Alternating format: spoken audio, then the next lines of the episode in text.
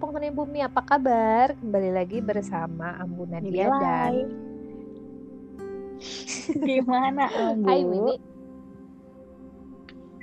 Kita hari ini mau bahas janji kita Yang tertunda. minggu lalu. yang tertunda eh, tentang eh, EBT. EBT itu singkatan dari apa? Jadi aku tuh sama Mimi suka ngomongin EBT tuh suka harus mikir dulu EBT gitu. itu singkatan pokoknya Jadi ya. kita lagi bahas EBT yang mana? Soalnya Ambu juga ada EBT. Iya. Di hukum lingkungan ada EBT kan? Iya, betul. Sama. Di kekayaan intelektual Iya. juga ada EBT. di hukum lingkungan ada EBT di kekayaan intelektual juga ada EBT Hmm. gitu cuman yang sekarang kita mau bahas itu EBT-nya di eh, hukum kekayaan Iya. intelektual Ntar gantian ya nanti yang EBT-nya di Ambu. Jadi kalau yang di kekayaan intelektual itu EBT itu singkatan dari ekspresi budaya tradisional. Sementara kalau yang di Eh, lingkungan, Tuh. aku juga sempat sih energi energi, Energi baru, baru terbarukan. terbarukan. Situ juga kan Betul. pernah Situ juga pernah ngajar di mata kuliah yang dan sama sempat bukan? ada penelitian juga tentang energi baru terbarukan dan itu terkait juga dengan kekayaan intelektual ujung-ujungnya ya pokoknya apa pun yang ada kaitannya sama kekayaan intelektual hayu gitu Iya, jadi Mimi tuh mm, EBT wet eh, apa tadi WBTB ya? Hmm. jadi Oh. WBTB WBTB ini sebetulnya objek disertasinya Betul. Mimi ya. Jadi sebelum bahas eh, EBT-nya pengen tahu dulu kenapa Mimi tertarik banget sama Hmm, ini. karena Di antara semua hal di dalam hukum kekayaan Oh, iya, intelektual ya. iya. ya karena ya balik lagi Ambu ini yang terkait sama hobi aku jadi eh, kat- eh, Karena katanya fakultas hukum tapi fakultas hukumnya jurusan geologi alias jurusan ngegeol gitu ya tari menari eh, soalnya eh, pas lagi kuliah tapi eh, hobinya nari jadi ya udah eh, pas Hmm. ngambil S2 pun eh, bahasan waktu itu tesisnya tentang tarian khusus eh, spesifik tarian tradisional. Nah pas S3 ini ditarik ke hal yang lebih umum lagi. Jadi eh, pelindungan hak ekonominya nih untuk ekspresi budaya tradisional. Juga lebih spesifik lagi si pelakunya itu siapa, yaitu pelaku seni pertunjukan gitu. Nah eh, si tari-tarian ini dia itu kan kalau tari-tarian tuh udah udah dari zaman dulunya kayak gitu ya Embu ya. Jadi eh, tari Sunda, Iya. terus tari dari daerah mana lah bilang, misalnya dari daerah eh, Minang gitu ya, terus tari dari daerah Aceh. Nah itu kan kita udah nggak tahu lagi tuh Ambu, itu ada tapi penciptanya siapa ya? Terus udah udah lama banget adanya dan eh, apa dari generasi ke generasi gitu. Nah ini karena selain aku hobi nari dan suka sama hal-hal yang berbau tradisi dan daerah gitu jadi kenapa enggak ini ditarik jadi apa ya salah satu objek penelitian di pet- awalnya tesis kemudian dilanjutkan di disertasi gitu karena untuk milih topik eh, untuk disertasi itu pastinya pastinya harus sesuatu yang kita ada di dalamnya. Kalau enggak kita bakalan eh, nggak nggak pengen nulis gitu apalagi meneliti ya Jadi yang kita iya kita banget gitu ya, yang kita pengen tahu betul banget gitu ya, yang yang sampai ke depannya itu jadi sesuatu yang pengen kita perjuangkan Iya, banget banget. gitu ya nggak sih? eh, kalau menulis disertasi itu kan ketika si disertasinya selesai itu bukan akhir tapi itu adalah awal kita membuka cakrawala dunia gitu Betul betul betul.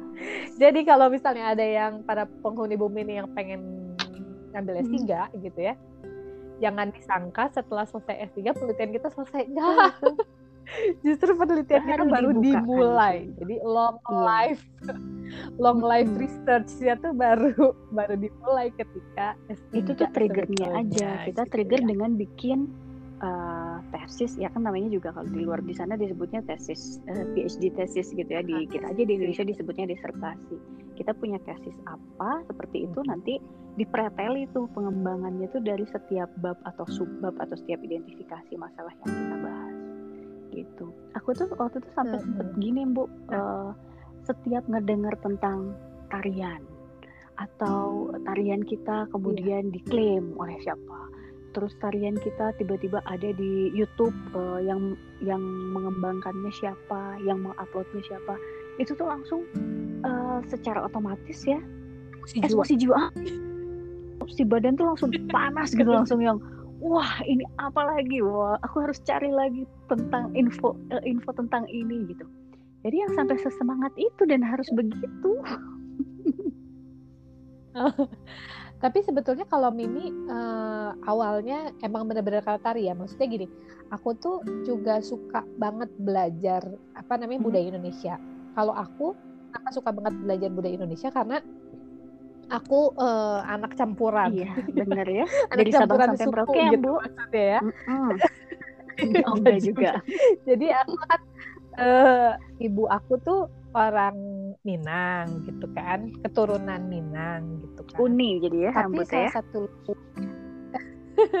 Tapi salah satu leluhurnya tuh katanya orang Jawa. Oh, ada gitu. Jawanya juga. Salah satu. Ada oh, Jawanya. Baiklah.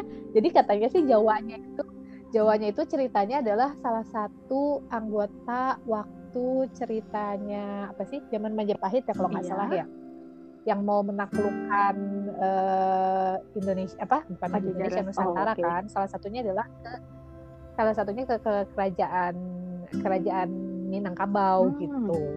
Nah, waktu ke sana kan waktu mereka waktu mereka pergi ke sana itu kan bawa biasalah bawa si utusannya kan beserta yang beserta banyak lah ya. Hmm. Nah, salah satu kan mereka biasanya menetap tuh di daerah yang mau di apa sih? Ditaklukkan kan ya.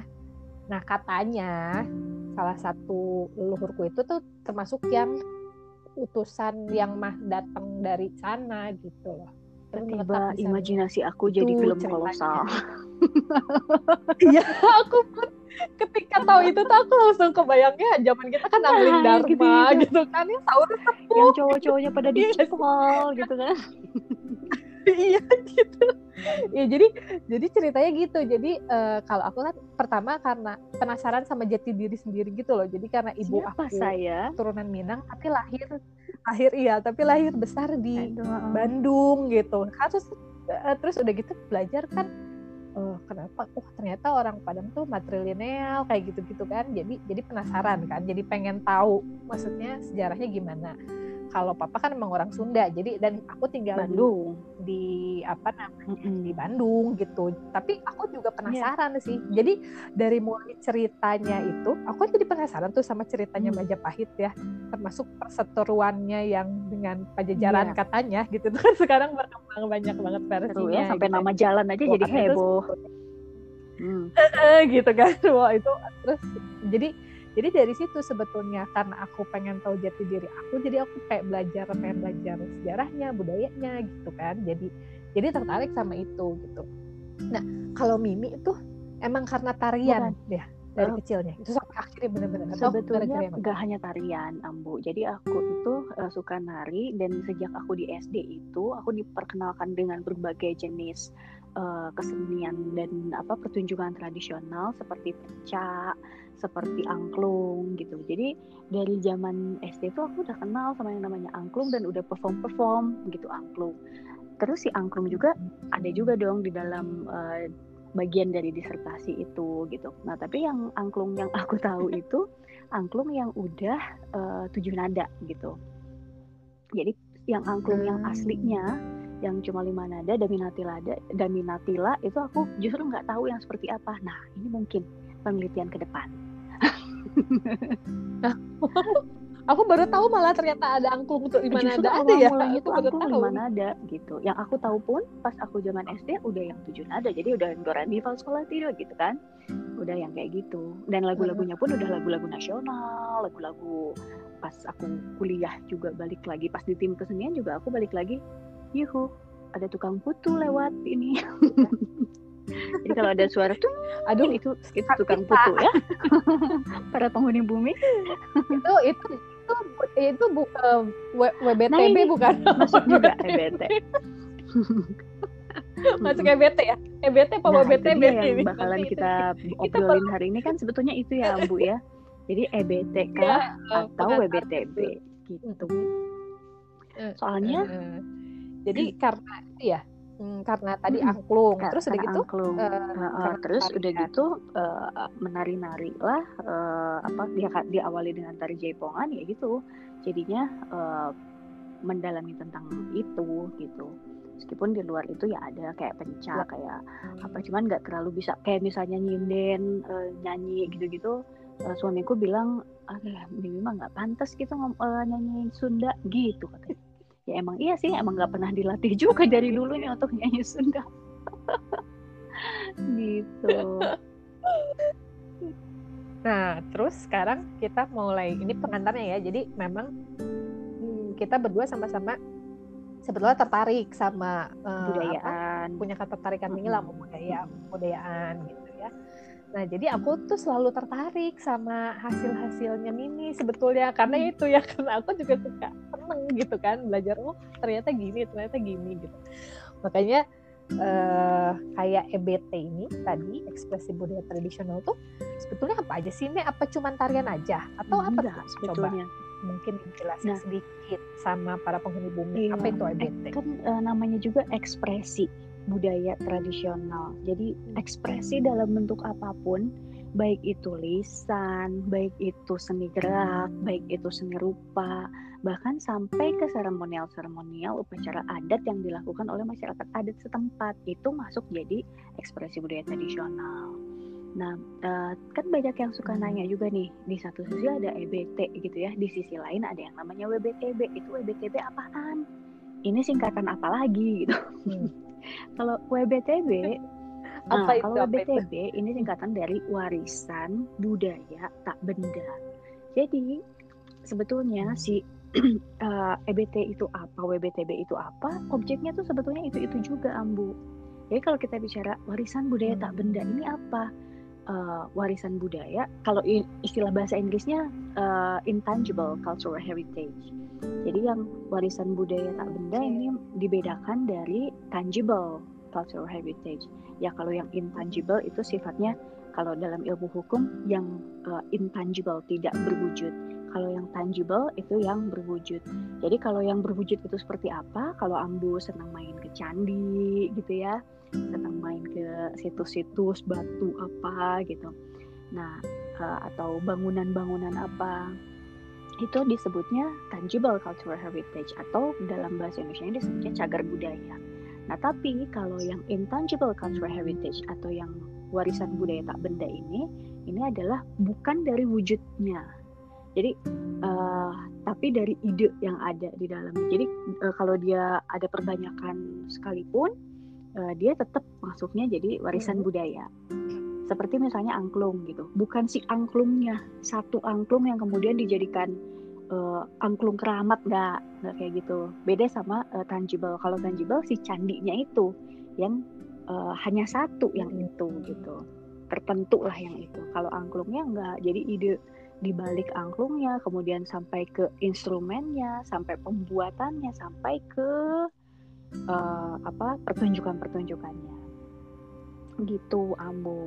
pertunjukan itu dibilangnya nggak berwujud ya Hmm. maksudnya bukan Iya, bukan benda benda. ya maksudnya walaupun kita bisa Betul. melihat kan gitu ya gitu kan maksudnya satu satu pertunjukan yang bisa dilihat Iya. gitu kan jadi kalau misalnya kalau si. EBT itu sudah dituliskan misalnya ya dalam satu bentuk buku atau didokumentasikan menjadi suatu Mhm. video itu tetap wujudnya EBT Nah. maksudnya tetap tak benda Mm-mm. gitu ya ya kayak Ilagaligo Mm. itu mi wah itu yang paling seru banget penelitian ini Sampai jauh-jauh ke Sulawesi Selatan ya. waktu, waktu bahas Ilagaligo itu Sampai aku nonton pertunjukannya juga itu di Bali. Aduh, seru banget lah pokoknya.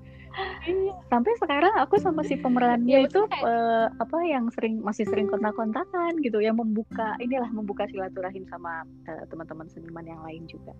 Oke, balik lagi ke aku tuh penasaran Mm-mm. banget gitu iya jadi maksudnya kayak Ilagaligo itu kan tadinya kan satu yang ini tapi kan sekarang udah ada bukunya nah itu bukunya terpisah Mm-mm. rezimnya dari si. EBT-nya ya Jadi eh, eh, aku mau balik lagi dulu ke eh, bedain EBT sama WBTB dulu ya, Bu ya. Kalau kita bicara Iya, iya, EBT itu kalau kita telusuri ke atasnya, dasar hukumnya itu dia berasal dari uh, apa rezimnya kekayaan intelektual gitu. Meskipun sebetulnya kekayaan intelektual yang mana yang di internasional saat ini belum diakui. Karena kekayaan intelektual uh, ini sifatnya komunal. Maksudnya negara yang memilikinya, yang memegangnya itu negara. Yang punya haknya siapa? Ya masyarakat komunal gitu. Yang seperti apa itu? Itu itu yang belum di, disepakati di dunia internasional. Jadi kalau kita lihat uh, siapa organisasi yang bergerak di bidang kekayaan intelektual, ya ini sekarang lagi dibahas di bawah satu intergovernmental committee uh, tentang kekayaan intelektual dan sumber daya genetik, pengetahuan tradisional dan kekayaan intelektual uh, dan sorry uh, sumber daya genetik, pengetahuan tradisional dan ekspresi budaya tradisional. Ini adanya di rumahnya Waipo gitu loh kalau kita bisa bagi rumah. Ini adanya di rumahnya Waipo.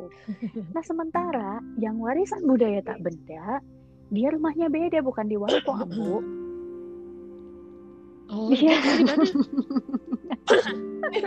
itu tangganya. Ini agak-agak mulai berbahaya. Tangganya. Ya. Dia itu rumahnya di UNESCO. Jadi kalau kita oh. uh, tahu bahwa UNESCO itu United Nations on Educational apa sih, Social and Cultural uh, Organization. Nah, dia rumahnya di UNESCO. Jadi uh, concernnya itu lebih ke pelestarian budaya, lebih ke pengembangan gitu loh. Jadi sekalipun ada ada pengembangan ya dia tidak bicara tentang kekayaan intelektualnya, tapi dia bicara tentang pengembangan budayanya itself gitu. Oh, oh. Sementara kalau WIPO lebih bicara terhadap perlindungan. Uh, uh, kalau WIPO dia lebih ke kalau ada orang lain yang menghasilkan karya derivatif seperti yang tadi Ambu bilang karya derivatif itu apa sih? Karya turunan gitu. Jadi dia hmm. bikin hak cipta yang bersumber dari materi-materi uh, illegal legal let's say gitu. Nah itu uh, masuknya ke rezim haki. Jadi ini boleh nggak sih digunakan oleh pihak lain? Sementara ini adalah materi masyarakat komunal. Nah, kayak gitu. Untuk melindungi uh, materi-materi dasarnya banget itu dari penciptaan-penciptaan karya lain itu harus ada uh, tata caranya lah, harus ada prosedurnya gimana.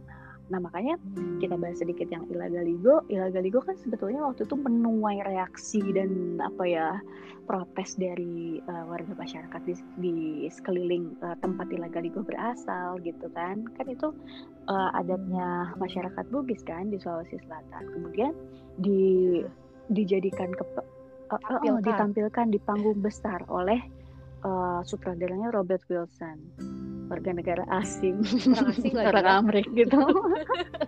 Orang Amerika. Pastinya protes kan gitu. Okay. nah uh, nah jadi uh, harus ada guidelinesnya atau harus ada prosedurnya. Harusnya gimana sih? I, boleh nggak menyebarluaskan itu uh, menampilkan itu gitu? Di satu sisi hmm. dibilang Jadi, boleh uh, karena ini kan budaya bareng-bareng gitu. Jadi ya silakan justru uh, dengan ditutup-tutupi orang lain gak akan ada yang tahu dong ambu bagusnya cerita Ila Galigo gitu. Masa kita mau tenggelam dalam sejarah gitu? Seperti ambu tadi pengen tahu cerita Majapahit dari mana bacanya kalau nggak ada akses menuju ke situ? Kalau nggak ada bukunya kalau nggak ada filmnya. Makanya barusan aku pas ambu cerita tentang Majapahit yang aku kebayang ya itu film kolosal kolosal kayak gitu. Mantili dan Brahma. Brahma Kumbara gitu zaman kita banget itu zaman sekarang tuh nggak ada kayak gitu-gitu kan gak ada ya? gitu. ya ya kayaknya belum ada deh. Sejak terakhir tuh kan Angling Dharma itu kan setelah itu kayaknya nggak ada. Jadi aku tuh ya yang suka aku kayak gini agak melenceng sedikit gitu kalau nonton film-film Korea gitu kan kan mereka punya atau film Cina gitu ya atau film Jepang yang kekaisaran kekaisaran gitu ya mereka tuh kan bisa gitu ya bikin kayak gitu mengenalkan Lewat budayanya itu. gitu ya melalui Kenapa film ya? kayak gitu. Atau mungkin takut nggak laku gitu. Mungkin juga atau mungkin juga memang kalau mereka tuh hmm, jadi memang tempatnya mereka punya kan. Jadi terjaga, dijaga untuk terus dipakai digunakan Betul. buat syuting gitu. Kita juga tempatnya banyak kayak, lagi ambu. Kayak, banyak makanya banyak jadi kalau mereka tuh jadi kayaknya dari kalau mereka syuting di sana kan bisa ada menghasilkan uang yang juga membantu buat si menjaga Betul. si tadi ya cagar Iya. budayanya itu gitu Iya. di kita tuh kayaknya belum menuju Betul. ke Jadi sana. makanya disertasi aku itu dalam perspektif ekonomi, oke ada belakangnya digital itu lebih uh, move lagi ke uh, apa revolusi industri 4.0 tapi untuk yang perspektif ekonominya aja sebetulnya seniman-seniman tuh masih yang resisten loh Bu. Jadi seperti uh, budaya itu uh, kayaknya tuh gak boleh gitu untuk dikomersialkan gitu. Padahal mereka juga uh, menjadikan ini profesi. Para seniman juga nggak bisa nih di masa covid kayak gini aja mereka beneran nggak bisa apa-apa karena uh, nggak ada panggungan gitu. Panggung-panggung dibatalin. Banyak teman-teman seniman yang panggung-panggung di awal udah dibatalin. Ya tapi untungnya dari uh, kemen uh, parekraf sekarang parekraf yang namanya pariwisata dan ekonomi kreatif banyak bikin program-program yang ngebantu seniman terdampak covid gitu. Awalnya sih mereka kayaknya nggak mikir ini buat ekonomi jadi ber uh, apa ya berkedok uh, harus melestarikan budaya gitu menganggap bahwa minta proposal sumbangan ini itu buat seni itu adalah hal-hal yang hal yang sangat wajar. Padahal justru hal yang sangat wajar mereka mengupayakan kreativitas dari seni yang mereka punya kemudian itu dikomersialkan. Kenapa enggak? Itu sih yang harus di, agak diubah kayaknya paradigmanya. Oke, tadi kan bicara ekspresi budaya tradisional eh, si EBT dan WBT mm -hmm. ini nih ya, kan uh, Indonesia tuh budayanya multi mm -hmm. banget ya. Maksudnya kita juga kadang-kadang bertabrakan dengan uh, teman-teman serumpun hmm. kan gitu kan udang ini jadinya nah. ya ke aku kalau udah ngomongin gitu mulai udang udang panas ya Pak enggak, tapi maksudnya gini um, pertama uh, pertama gini. Banyak orang yang berpikir ya itu di baik di di mungkin di mimi merasakannya di budaya kalau di aku di lingkungan hmm. gitu ya. Kayak kayak memberikan nilai secara ekonomi itu kayak mengecilkan yeah. dianggapnya ya. Kayak tadi Mimi bilang tadi gitu. Jadi kayaknya tuh itu kan sesuatu yang anugerah Tuhan gitu ya maksudnya atau anugerah cipta gitu kenapa uh, kenapa kok manusia yang mem, mengapa ya menghitung yeah, yeah. maksudnya kayak kayak melanggar pengetahuan itu kan munculnya tuh kan gratis kenapa sekarang harus jadi bayar gitu kan? Kalau ekonomi tuh jadinya kayak mungkin gitu. Itu dulu deh yang pertama nih ya gitu. Maksudnya bagaimana sebenarnya kenapa sih kita jadi harus tadi ya melindungi sesuatu yang uh, ya sebagian orang masih berpikirnya gitu gitu kan? Itu kan harusnya nggak usah harusnya free access gitu loh kayak kalau sekarang sih ya kayak gitu gitu kan itu gimana? Iya. Uh, memang harusnya free access tapi free access itu harus diimbangi dengan benefit. Benefitnya buat siapa? Buat masyarakat komunal itu sendiri. Sekarang yang ngejaga si tradisi itu masih tetap ada siapa? Kan masyarakatnya. Gitu. Uh, nah makanya ekspresi budaya tradisional atau warisan budaya tak benda ini uh, adalah living culture. Jadi ini adalah budaya yang hidup di masyarakatnya. Sekarang kalau misalnya diambil begitu saja sama pihak lain, oke okay, boleh misalnya akses memang harus begitu akses terbuka uh, lebar untuk siapa pun, tapi harus diimbangi dengan adanya benefit. Benefit buat siapa? Buat si masyarakat lokalnya. Sebetulnya awal mulanya dari konsep akses and benefit sharing ini dari hukum lingkungan tuh rumahnya. eh, betul. dari CBD. Iya, memang sumber iya, daya dari sumber iya, daya biological kan? diversity. Sumber daya. Jadi adanya EBT ini betul ini tuh sebetulnya ngikut hmm. dia ngekor ngekor dari uh, ketentuan di CBD ya SDG. tentang sumber daya genetik uh, dan pengetahuan tradisional hmm. betul nah ada sumber daya genetik nih di satu wilayah gimana nih orang-orang kalau mau dapat oh harusnya itu uh, bukan kedaulatan penuh dong harusnya hak berdaulat. Jadi ada hak-hak orang lain untuk menggunakan itu. Toh ya itu ini kan given. Uh, siapa yang minta untuk lahir di tempat itu yang penuh dengan sumber daya genetik seperti itu? Kenapa orang lain di luar atau di belahan dunia mana pun gak punya akses untuk itu? Kita kan sama-sama makhluk bumi gitu para penghuni bumi. Iya kan? iya tapi ya sama seperti yang tadi Mimi bilang ketika kita bicara pengetahuan tradisional gitu ya obat misalnya ya ada suatu minyak apa e, cara pengetahuan tradisional di suatu masyarakat tertentu membuat suatu yang berbentuk obat-obatan ya dalam bentuk minyak ataupun iya. ramuan iya. gitu ya kemudian mempelajarinya dan kemudian mematenkan ini, ini yang jadi bahaya Betul. ya Mia ya maksudnya kalau mm -hmm. itu juga sama dengan ya, sama. juga gitu ya, jadi awalnya ya. tuh e, nggak uh, ada pengaturan tentang EBT ambu belum nyampe gitu pikiran orang tentang EBT awalnya tuh adanya di sumber daya genetik hmm. nah ketika ada sumber daya genetik eh ternyata sebentar sumber daya genetik ini ada pengetahuan tradisionalnya nah yang membuat harus ada benefit sharing adalah adanya pengetahuan ini karena dengan uh, hanya sumber daya saja ya apa sih uh, harus harus gimana sih emangnya? Karena dia ngerawat doang itu dari bibit kemudian jadi tumbuh besar gitu. Kalau untuk tanaman karena sumber daya genetik nggak cuma tanaman.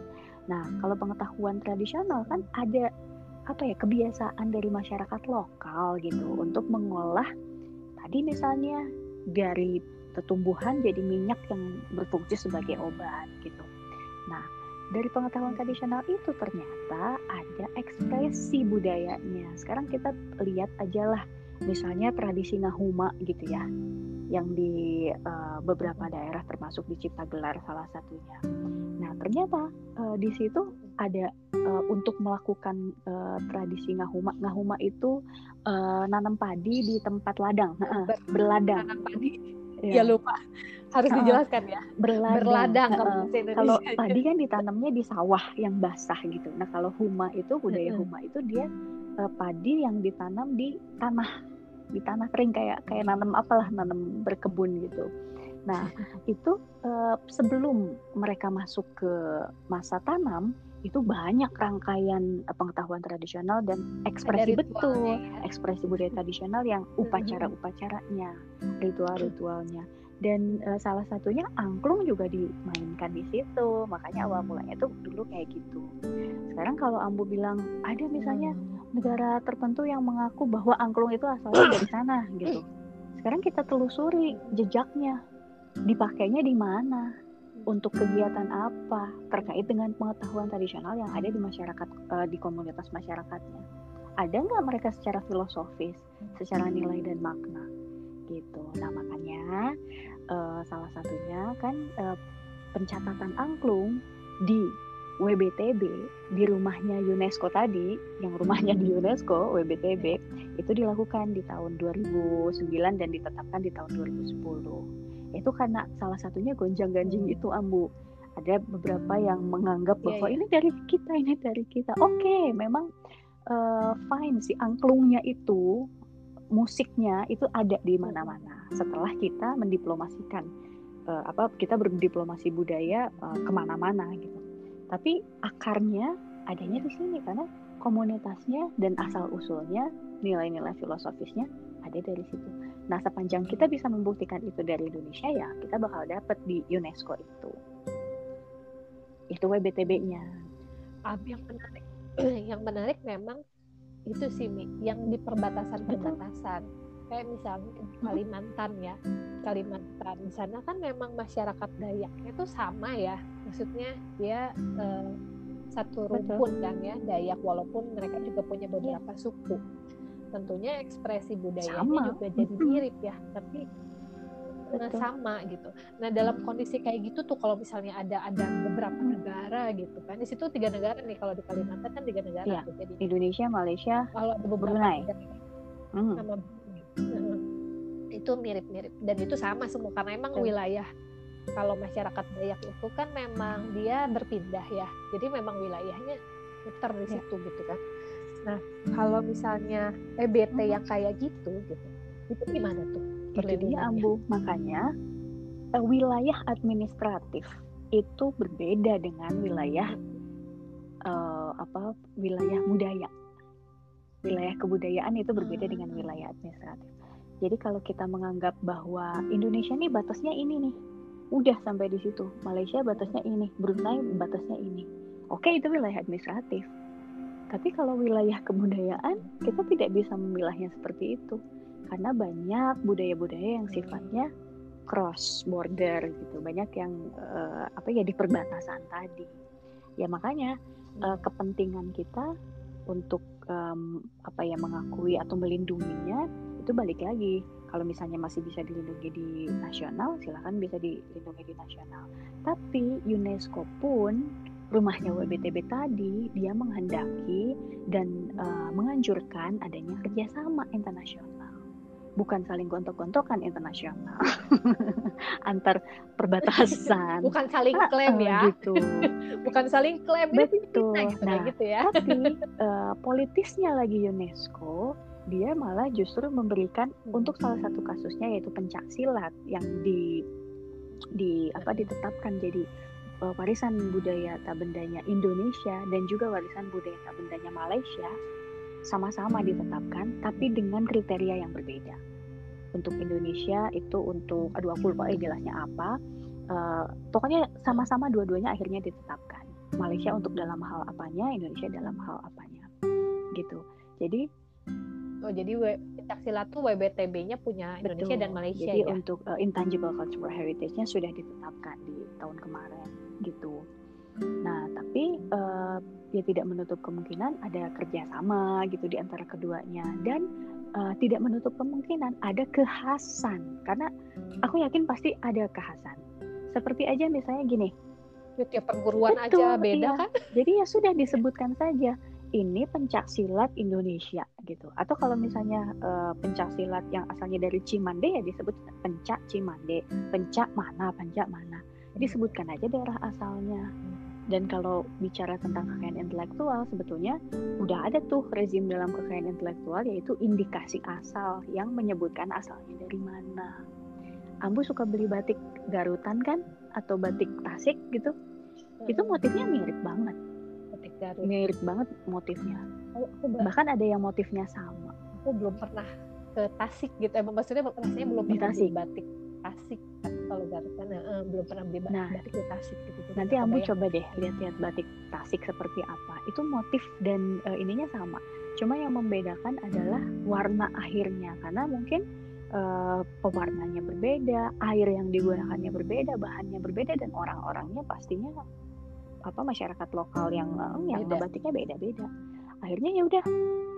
Tapi memang apa?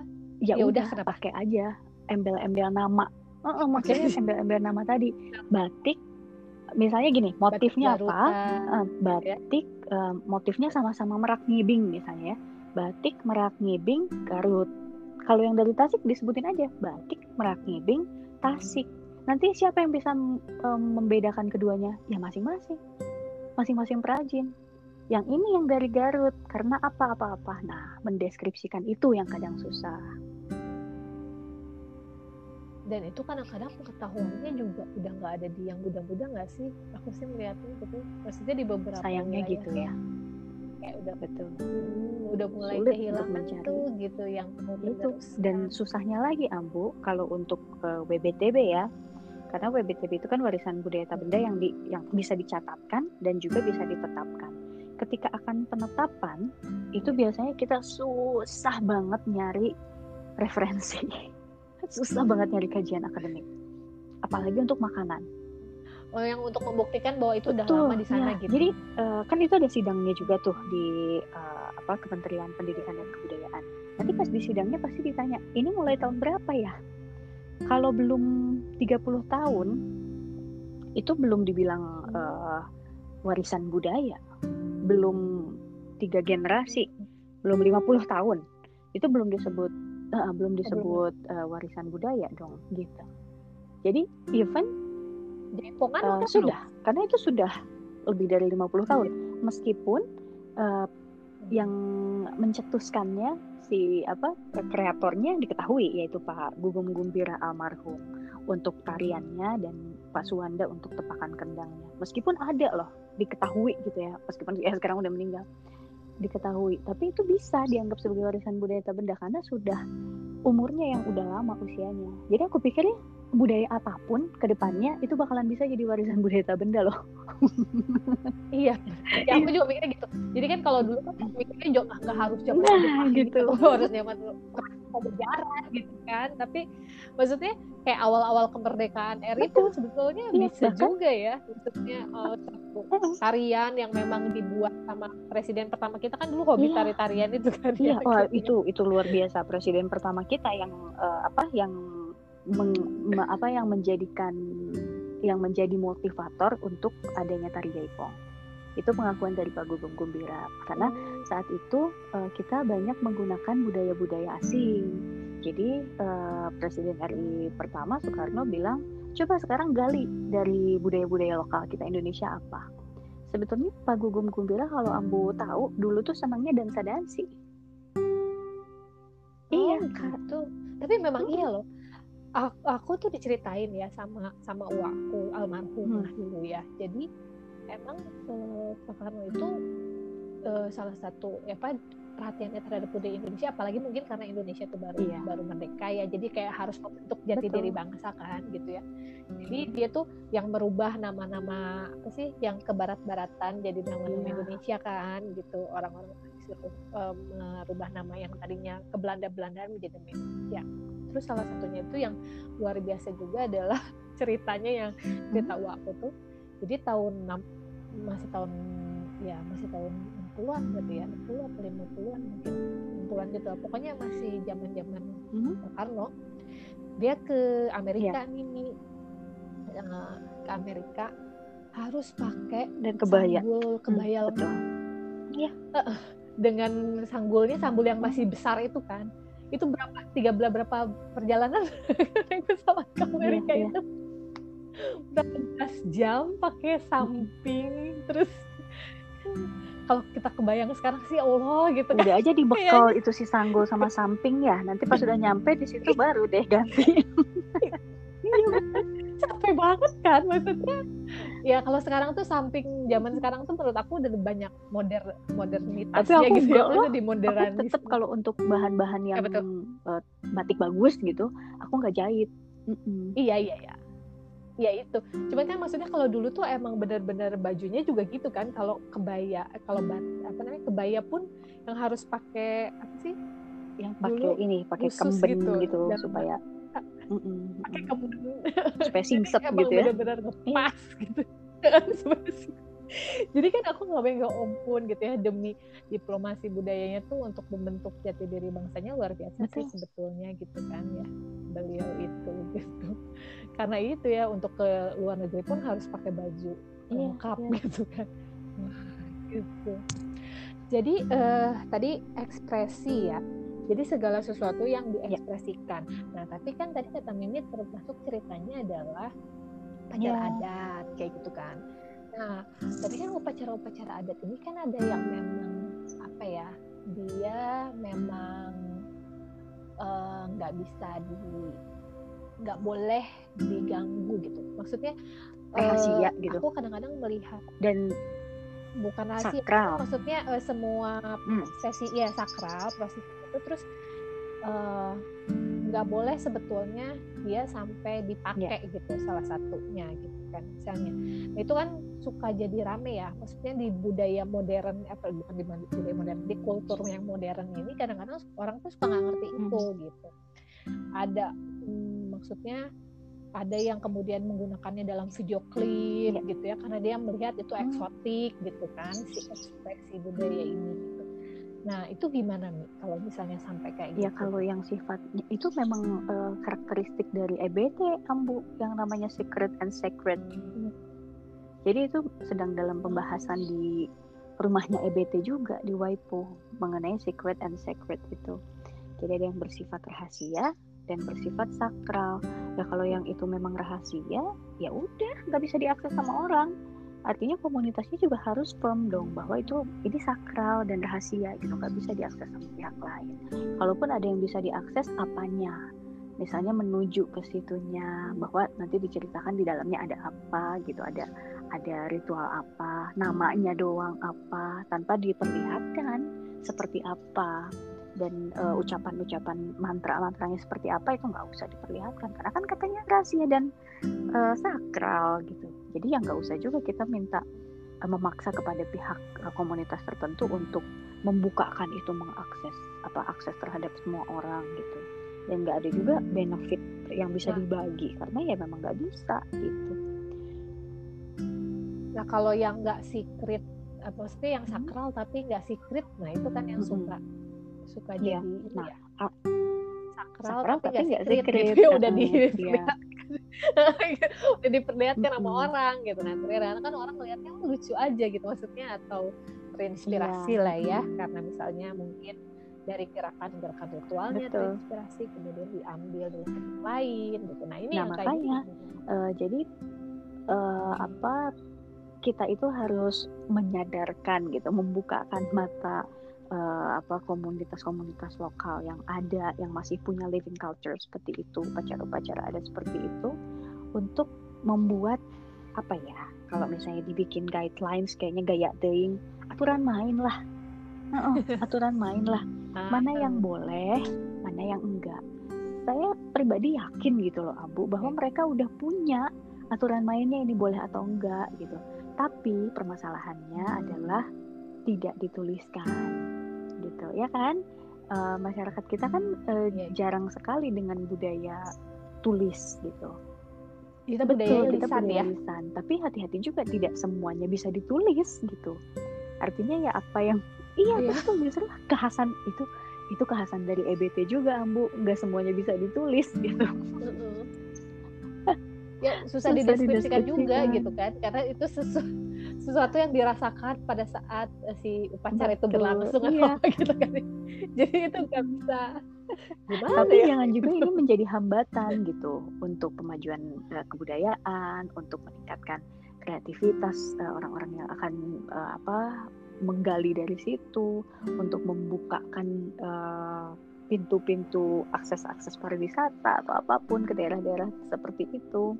Jadi ya sebisa mungkin harusnya komunitasnya itu membuat uh, aturan main, membuat apa yang boleh, apa yang tidak boleh. Ya tapi tentunya ya dengan uh, apa ya di pendampingan gitu dari akademisi, dari uh, apa dinas atau ya baik itu kabupaten kota ataupun provinsi setempat gitu. Lama kelamaan ya pasti ke depannya harusnya bisa sih seperti itu.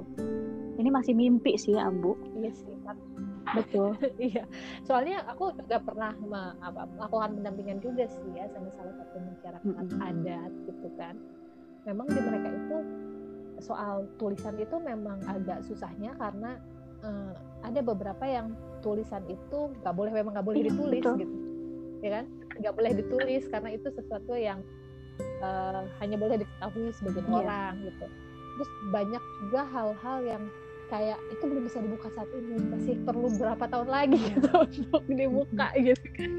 Jadi ada hal-hal yang hal-hal yang nah, seperti seperti itu gitu. Maksudnya um, ya kalau bicara sama masyarakat ada itu kan Betul. emang gitu ya gitu. Jadi ada hal-hal yang nggak bisa dituliskan nggak bisa dibukakan sekarang. Kalau nggak bisa ya udah nggak usah dipaksakan yang itu gitu ya untuk dibuka ke pihak lain. Yang, yang lain aja, aja gitu. ya. toh kita tuh kebanyakan sih ambu. Budaya kita tuh kaya banget. Iya nah tuh kaya banget. itu yang aku bilang aku aku selalu ngomong kan sama Mimi gitu ya.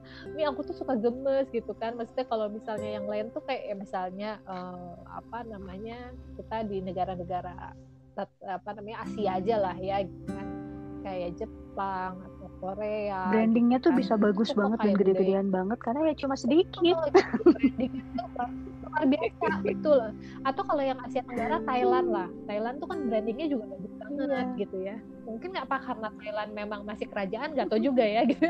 Apakah karena Thailand tuh memang masih ada kerajaannya gitu dan semua mengacu ke sana makanya kemudian juga menentukan budayanya jadi lebih mudah gitu ya aku nggak ngerti juga gitu. Tapi kata teman aku yang kemudian antropolog emang dia bilang ya memang kalau Jepang sama Korea itu memang budayanya satu gitu dia. Bahkan mereka tuh apa ya istilahnya apa cuman jadi cuman ada satu hmm. ras gitu loh di negaranya.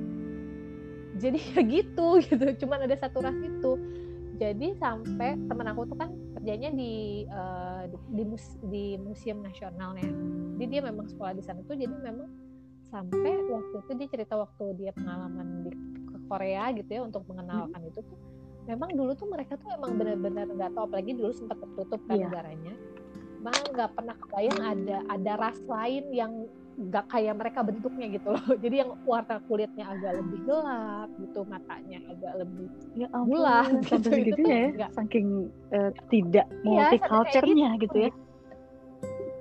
Saking iya saking nggak multiculturnya kan karena saking mereka berbeda satu culture di sana gitu. Jadi ya, jadi mereka tuh nggak kebayang gitu oh ada orang apalagi ya masih ketika masih tertutup ya gitu atau uh, ketika udah terbuka pun mereka memang masih kadang-kadang tuh kayak Indonesia tuh memang aksesnya terlalu terbuka gitu kita kita tuh semua hal tuh kayak bisa akses gitu. Sementara nggak ternyata nggak semua negara bisa seperti itu gitu ininya gitu aksesnya. Jadi ya seperti aku selalu bilang sama Mimi gitu kan ya Mimi kenapa sih aku selalu gemes? Jadi kan yang aku masih inget banget uh, waktu aku tanya jadi kalau kita mau mengenalkan budaya Indonesia hmm. tuh apa yang harus kita kenalkan? Ya. yang mana? Gitu kan jadi yang mana Mik waktu itu Mimi jawabannya apa? Puncak-puncak kebudayaan iya, itu. Itu itu menurut Soekarno karena pada saat itu penting untuk uh, merumuskan budaya Indonesia yang mana. Jadi puncak-puncak kebudayaan. Tapi akhirnya jadinya nggak fair gitu buat daerah daerah-daerah yang kebudayaannya yang nggak sampai di puncak juga gitu nggak sampai mencuat ke mana-mana. Tapi ada tapi hidup ya akhirnya aku berpikir bahwa budaya Indonesia yang mana? Iya Indonesia yang bagian mana dulu? Gitu karena kita punya budaya yang kaya. Makanya balik lagi disebutkan uh, kayak tadi simpelnya uh, batik gitu. Batik motif apa? Dari mana? Disebutkan. Tapi namanya panjang. Ya emang seperti itu. Ini hmm. ini yang selalu digaung-gaungkan sama Ibu Miranda gitu ya. Beliau selalu bilang disebutkan. Sepanjang apa pun ya sebutkan misalnya uh, angklung. Angklung mana? Angklung bungkok. Dari mana? Gitu. Eh, nama daerahnya apa? Itu harus tetap, uh. tetap disebutkan gitu. Cirebon ya udah disebut iya kan maksudnya kayak sedih gitu ya. Kayak kita tuh kayak misalnya budaya misalnya di mana sih uh, kalau top ini kayak orang punya Bali. Padahal ya selain Bali banyak iya. yang lainnya.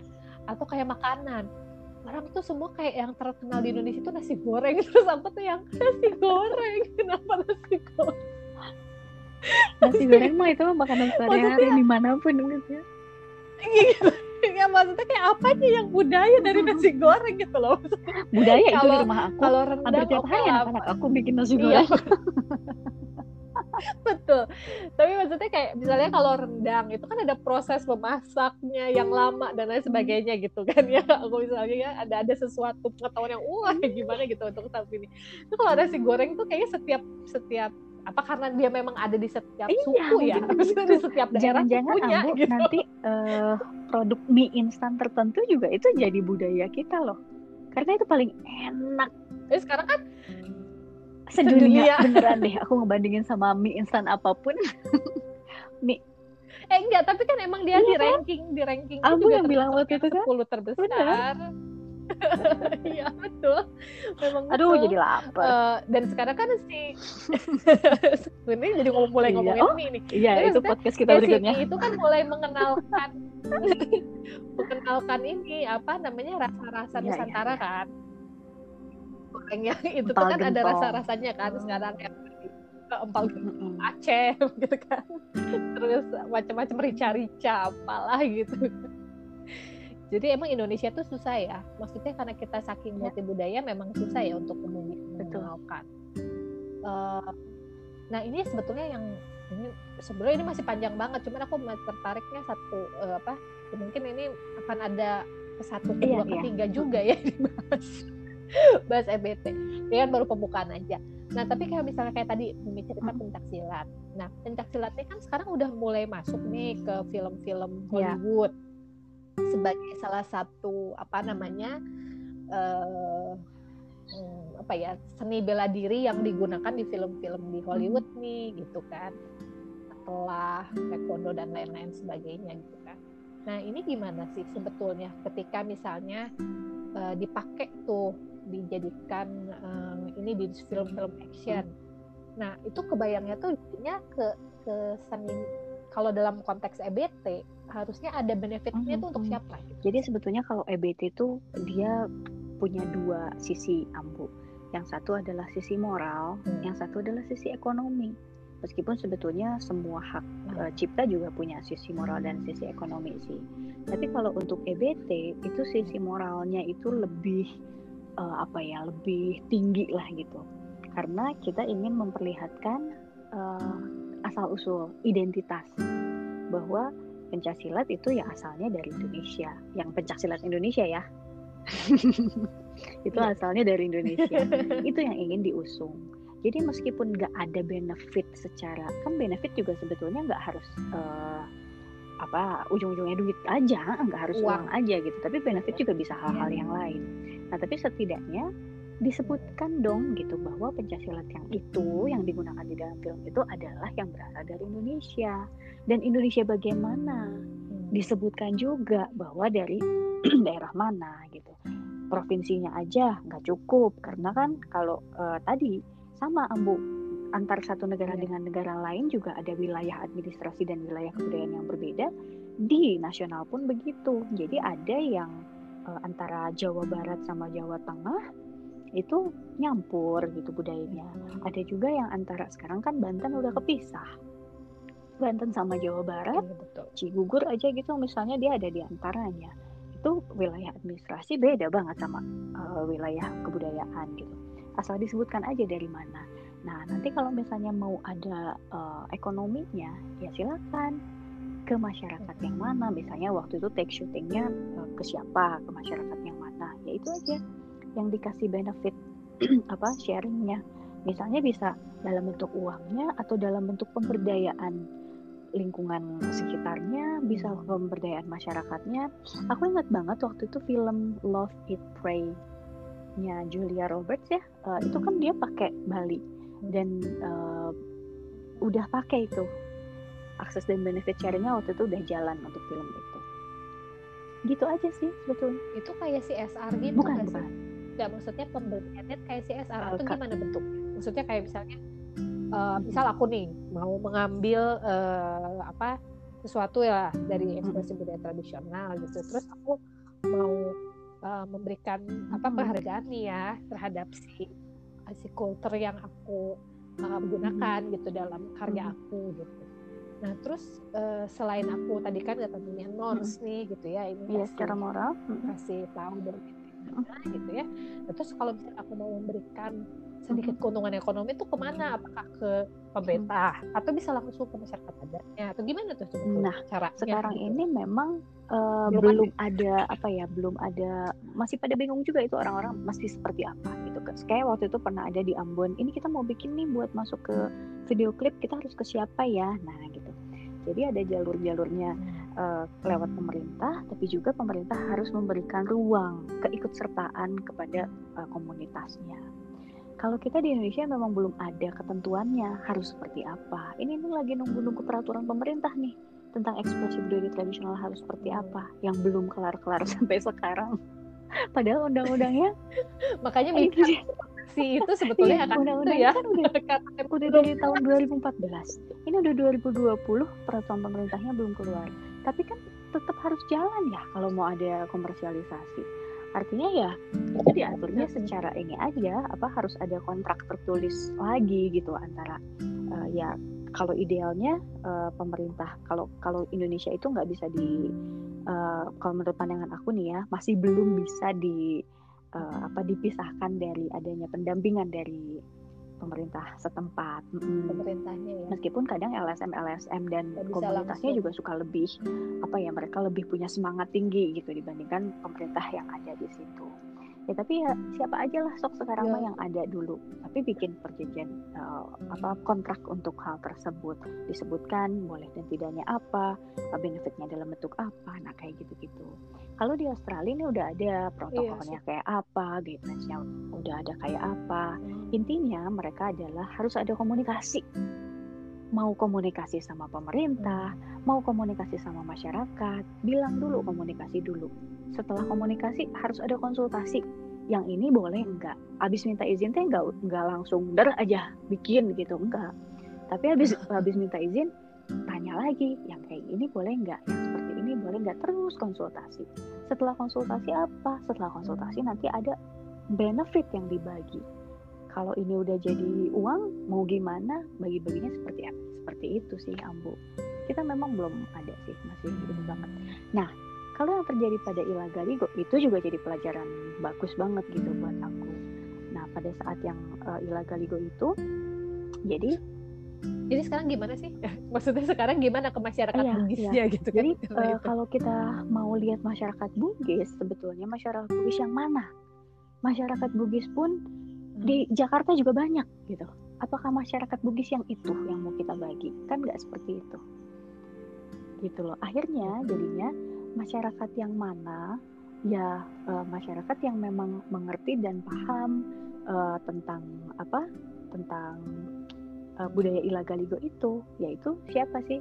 Yaitu orang yang suka nyanyi melantunkan uh, melantunkan uh, kitab Ilagaligo itu jadi dicari tuh siapa orangnya terus uh, apa siapa-siapa aja yang masih memegang teguh adatnya. Jadi kan ilegaligo itu dianggap sebagai uh, ini ya kepercayaan kalau di mereka. Jadi itu adalah kitabnya iya. kitab dalam kehidupan sehari-harinya. Nah itulah yang dicari. Kan nggak mungkin semua orang Bugis akhirnya gitu. Iya, bahkan iya. Uh, itu kalau kalau kita lihat yang ilegaligo ya setelah aku penelitian jadi mereka menjalankan semuanya bu. Mereka menjalankan komunikasi mereka menjalankan konsultasi sampai benefitnya juga ada gitu buat mereka.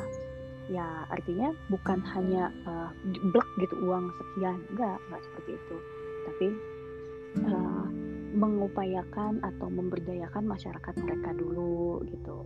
Memberdayakan masyarakat Indonesia dulu. Meskipun penari-penarinya akhirnya diambil dari Bali juga dari Cirebon juga semua semuanya pada ikutan juga tapi masyarakat sanggar-sanggar yang ada di situ diberdayakan dulu diajak dulu. Yuk yuk yuk gitu. Sampai akhirnya benefit jadi pengen asik banget. Sampai akhirnya benefitnya apa?